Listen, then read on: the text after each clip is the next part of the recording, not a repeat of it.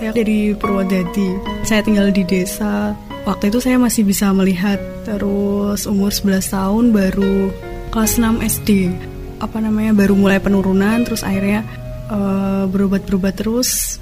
Terus akhirnya tiga tahun berhenti. Orang tua saya nggak tahu harus menyekolahkan di mana, harus membawa saya tuh ke mana sekolah pendidikannya tuh kayak bagaimana tuh nggak tahu. Inilah keteguhan gadis desa menemukan titik terang masa depan dalam gelapnya mata. Kisah atlet difabel Sri Sugianti dalam drama dokumenter Yang Gelap Adalah Mataku, Bukan Masa Depanku.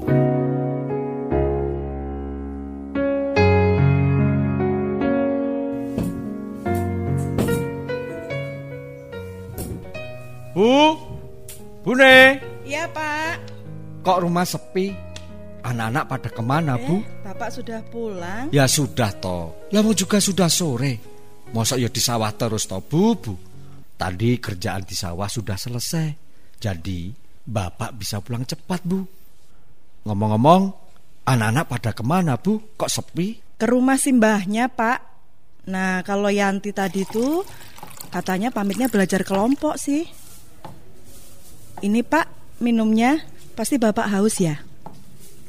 Alhamdulillah. Bu. Iya, Pak. Apa perlu kita segera periksakan mata Yanti ya, Bu? Kok katanya tidak bisa melihat dengan jelas, Bu? Itu tadi, Pak. Semoga mata anak kita nggak kenapa-kenapa ya, Pak. Kalau berobat ke dokter itu kan biayanya mahal. Semoga sih ada rezeki untuk berobat Yanti. Pak. Loh, Bapak sama Ibu sedang ngobrol apa? Kok kelihatannya serius sekali? Nggak apa-apa kok, Nduk. Gimana belajar kelompoknya? Seru, Bu. Tadi kita bahas latihan soal-soal ujian nasional. Belajar yang giat ya, Nduk. Semoga kamu bisa meraih cita-citamu. Amin. Terima kasih doanya ya, Pak. Yanti mau ambil minum dulu. Kasihan loh, Pak, Yanti. Kalau anak kita itu terhalang cita-citanya karena matanya sakit. Loh, anak kita itu, Bu. Anak kita kenapa, Bu? Dok, dok, kamu kenapa? Uh, anu, Bu. Kelasnya pecah. Jatuh. Loh, loh, kok bisa sampai jatuh, Tondo? Hati-hati ya. Bu. Mataku. Yanti. Mataku, Yanti, Bu. mata kamu kenapa, Dok? Aku nggak bisa lihat lagi, Bu. Makanya tadi mau ambil gelas, malah gelasnya kesampar. Mataku.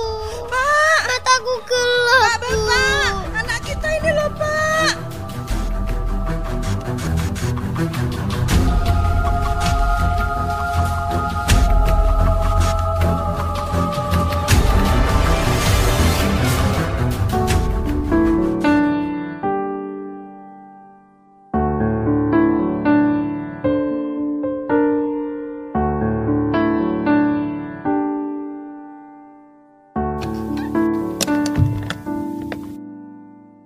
Gimana dokter?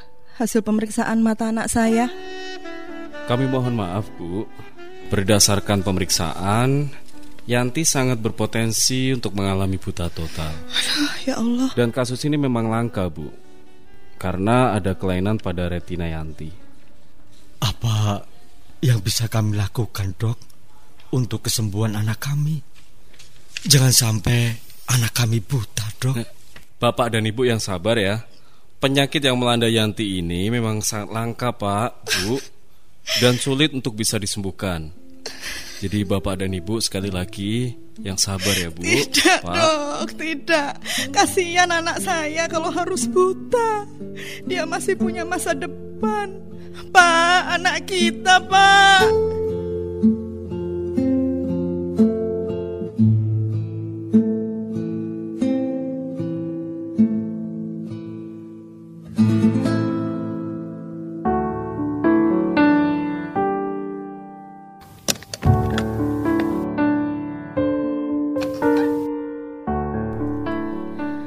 Duk, Yanti, udah makan? Gimana mau makan? Lihat makanan aja nggak bisa. Aku ini kan buta, Bu. Aku jadi orang buta. Mau ngapa-ngapain nggak bisa. Jangan gitu sayang. Kamu harus semangat. Kamu nggak boleh putus asa Yanti. Iya, Nduk. Bapak dan Ibu ini akan berusaha terus untuk pengobatan kamu, Nduk. Betul. Kamu yang sabar ya, Nduk ya. Sabar, sabar. Bapak kan tidak merasakan yang Yanti alami. Kalau bisa, Nduk, Ibu ikhlas. Kalau Ibu yang menanggung semua yang kamu alami. Ibu juga sedih kalau kamu seperti ini. Sudah, Bu. Sudah. Kita harus pahami anak kita. Wajar kalau dia marah-marah dan uring-uringan, Bu. Ayo, Bu. Ayo kita keluar saja. Iya, Pak.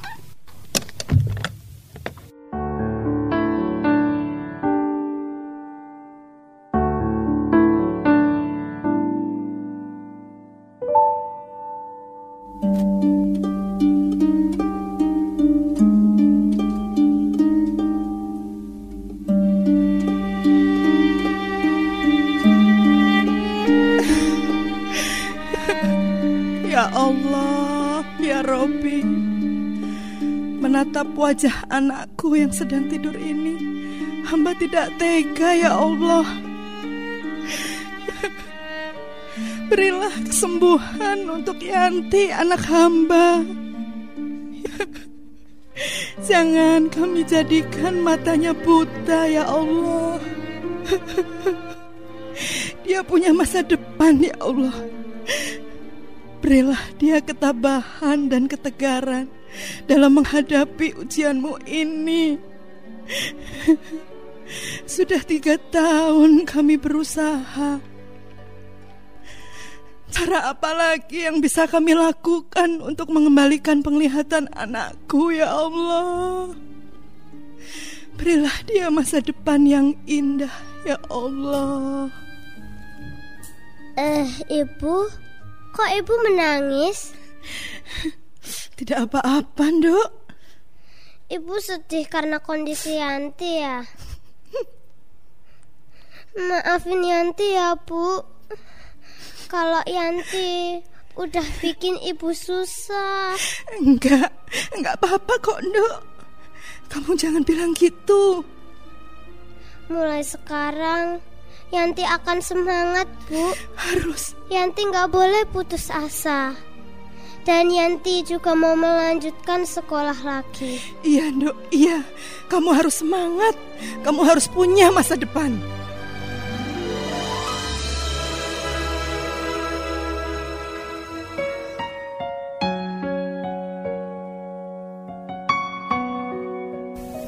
Dia dari itu tiga tahun kok nggak sembuh sembuh terus. Terus akhirnya saya bilang ke orang tua saya sekolah di SLB aja nggak apa-apa kayak gitu. Terus konsultasi sama kepala sekolah saya waktu itu. Disuruh ke Solo aja yang lebih yang bagus kalian waktu itu. Terus ya udah di Solo akhirnya. Pengen sekolah itu aja sih. Pengen sekolah gimana caranya biar bisa sekolah? Ya udah dengan kondisi seperti ini ya di SLB ya saya nggak apa-apa. Toh di SLB pun di situ khusus tunanetra dan kurikulumnya juga sama ternyata saya baru tahu pas saya masuk SLB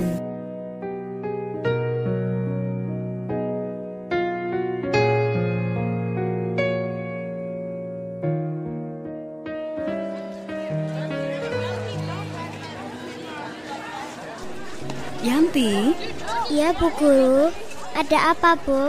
sini nak. Kamu pulang dulu ya. Kenapa, Bu? Itu ada yang jemput kamu. Katanya kamu harus pulang. Kamu harus pulang ke rumah.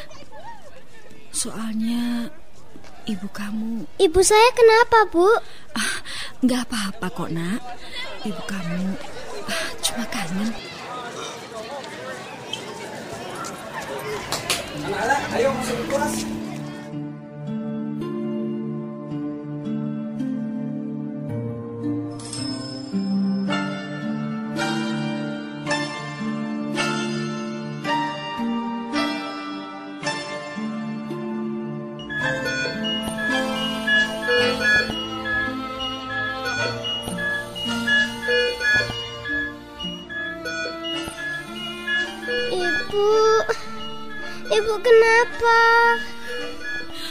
Ibu nggak apa-apa kok, Nduk.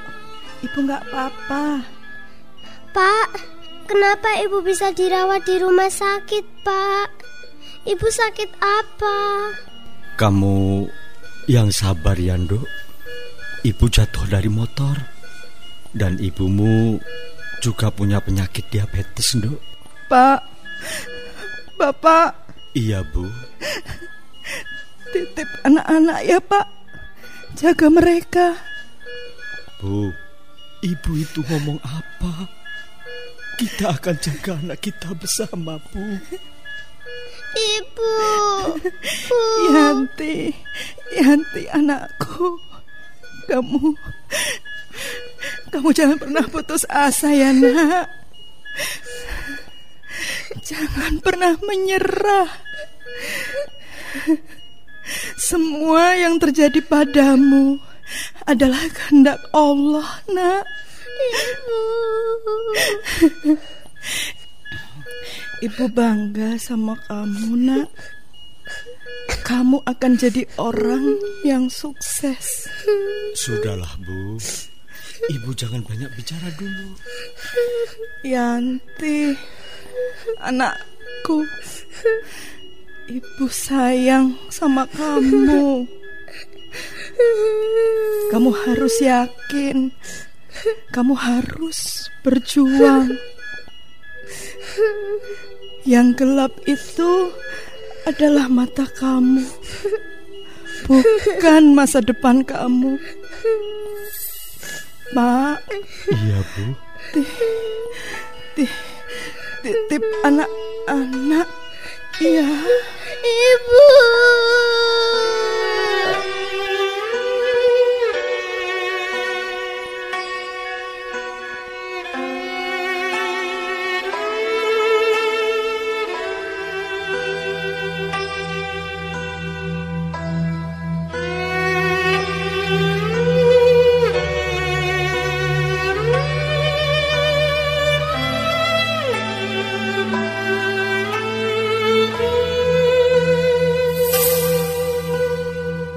Sedih banget. Waktu itu ibu kan yang berjuang buat ya ibu sama bapak pokoknya berjuang buat uh, buat saya bisa sembuh lagi. Cuman um, posisi saya yang sudah dikasih maksudnya dikasih kesempatan sama Allah dikasih anugerah ini buat juara itu ibu belum tahu belum belum sempat belum sempat tahu lah. Jadi itu yang bikin sedih. Uh, mungkin beliau tuh pengen banget yang namanya pengen naik haji waktu itu. Cuman belum kesampaian. Jadi belum kesampaian karena re- rezekinya belum ada juga. Terus terus sekarang saya dikasih kesempatan dikasih kesempatan terus dikasih anugerah sama Allah kayak gini. Pengen mewujudkan itu cuman udah nggak ada kesempatan lagi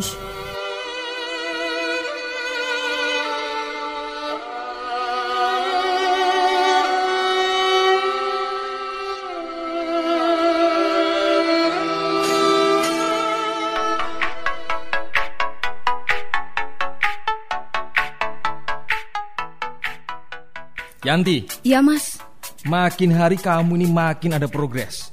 Kalau kamu tekun, saya sebagai pelatih kamu yakin kamu akan sukses. Ya, meskipun semua butuh tantangan Yanti. iya siap mas. Saya akan terus berlatih. Semoga tahun depan saya juga bisa masuk dalam pelatnas ASEAN Para Games. Amin. Yang penting kamu harus giat berlatih, ya.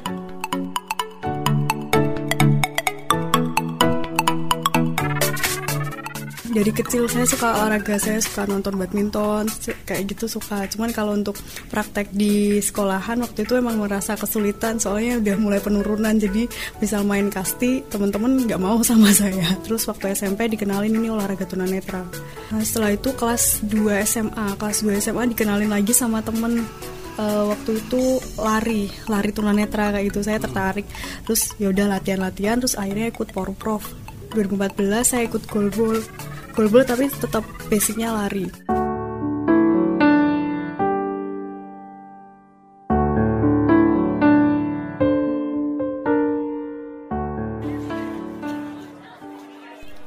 Halo Pak, Iya dok, gimana kabar kamu dok?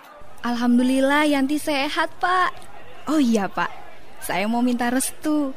Saya mau ikut seleksi pelatnas ASEAN Para Games. Iya nak, pasti, pasti bapak dukung dan restui kamu. Semoga kamu sukses ya dok ya. Amin. Terima kasih ya Pak. Maaf belum bisa pulang. Hmm, udah dulu ya Pak. Ini Yanti mau latihan. Iya dok, iya. Wah, habis nelpon siapa dek? Tadi nelpon Bapak di rumah Mas. Oh, Aku minta restu untuk seleksi pelatnas ASEAN Para Games. ya bagus itu. Restu orang tua itu penting. Aku sebagai pelatihmu juga akan berusaha melatih kamu dengan maksimal.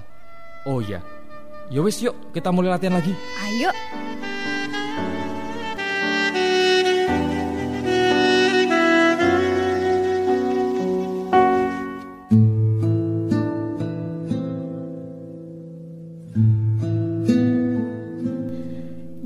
Mas hasilnya? Hmm, Aku masuk pelatnas atau tidak? bentar bentar. Aku lihat dulu ya hasilnya ya. Aku lihat dulu hasil seleksinya. Gimana Mas? Hmm, apa salah ya ini? Kenapa Mas emangnya? Yanti, ini ternyata kamu belum bisa masuk dalam pelatnas Asian Para Games Yanti. Ya sudah Mas. Memang belum saatnya untuk saya bertanding di ASEAN Para Games. Tapi tapi tunggu Yanti, aku yakin kalau suatu saat nanti kamu akan bisa berlaga di kejuaraan internasional kok. Tapi Mas, boleh nggak kalau aku tetap ikut latihan mandiri di cabang balap sepeda? Maksud kamu ikut latihan atlet-atlet pelatnas cabang para cycling? Iya Mas. Oke deh, nanti saya sampaikan ke pelatihnya ya. Insya Allah kamu boleh ikut latihan. Yeay.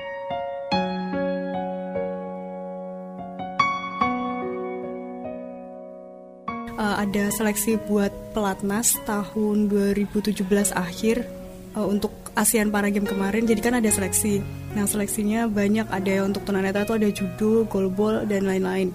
Nah untuk lari saya udah nggak kepanggil buat di pelatnas karena emang kemampuannya nggak memenuhi. Saya nggak pernah ada progres seperti itu di lari.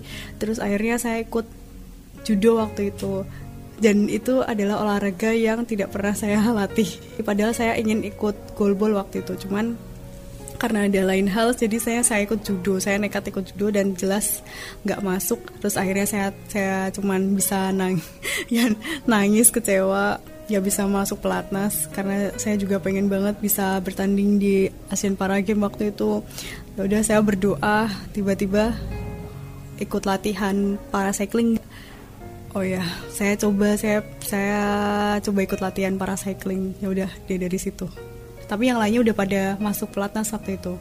Jadi saya ikut latihan mandiri mereka selama sampai dengan bulan Maret atau bulan April saya alhamdulillah keterima di pelatnas waktu itu. Jadi latihan mandiri dulu baru pelatnas. Sementara itu, 14 atlet para cycling Indonesia telah melakukan latihan di Jakarta sebagai bagian dari persiapan tampil di Asian Para Games pelatihannya di Solo, Jawa Tengah. Salah satunya adalah tim para Tim cycling para yang siap Indonesia sudah medali menggelar untuk pelatnas di Solo sejak bulan Januari Para 2018. Fabel para cycling terus menggelar latihan di Velodrome Stadion Manahan Solo, Jawa Tengah demi menyongsong gelaran Asian Para Games 2018.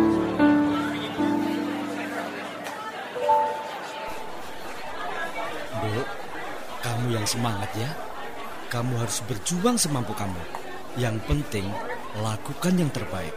Iya Pak, Yanti akan berusaha mendapatkan medali dalam perlombaan ini. Kalaupun tidak mendapat juara, kamu sudah menjadi orang yang hebat untuk bapak dan keluarga, Dok. Ya sudah Pak, saya siap-siap dulu ya. Pertandingan sudah mau dimulai nih. Iya, Dok. Bapak akan menyaksikan pertandingan kamu sambil berdoa.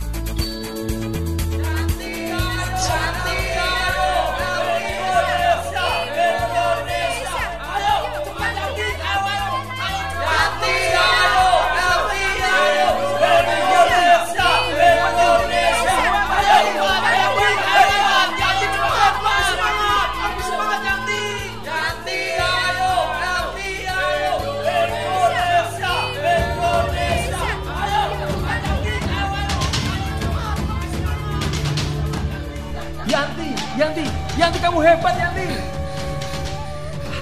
Selamat Yanti, selamat kamu hebat. Gimana mas? Saya kalah ya? Enggak Yanti, enggak. Kamu finish di urutan kedua. Kamu dipastikan dapat medali perak Yanti. Selamat ya, selamat ya. Alhamdulillah, terima kasih ya Allah. Ibu, medali-medali yang akan aku raih ini semua untuk kamu.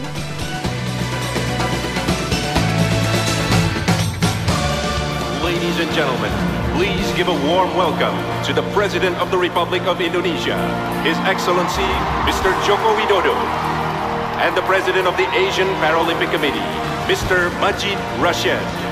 Hadirin sekalian, mari kita sambut kedatangan Presiden Republik Indonesia yang terhormat Bapak Insinyur Haji Joko Widodo dan Presiden Asian Paralympic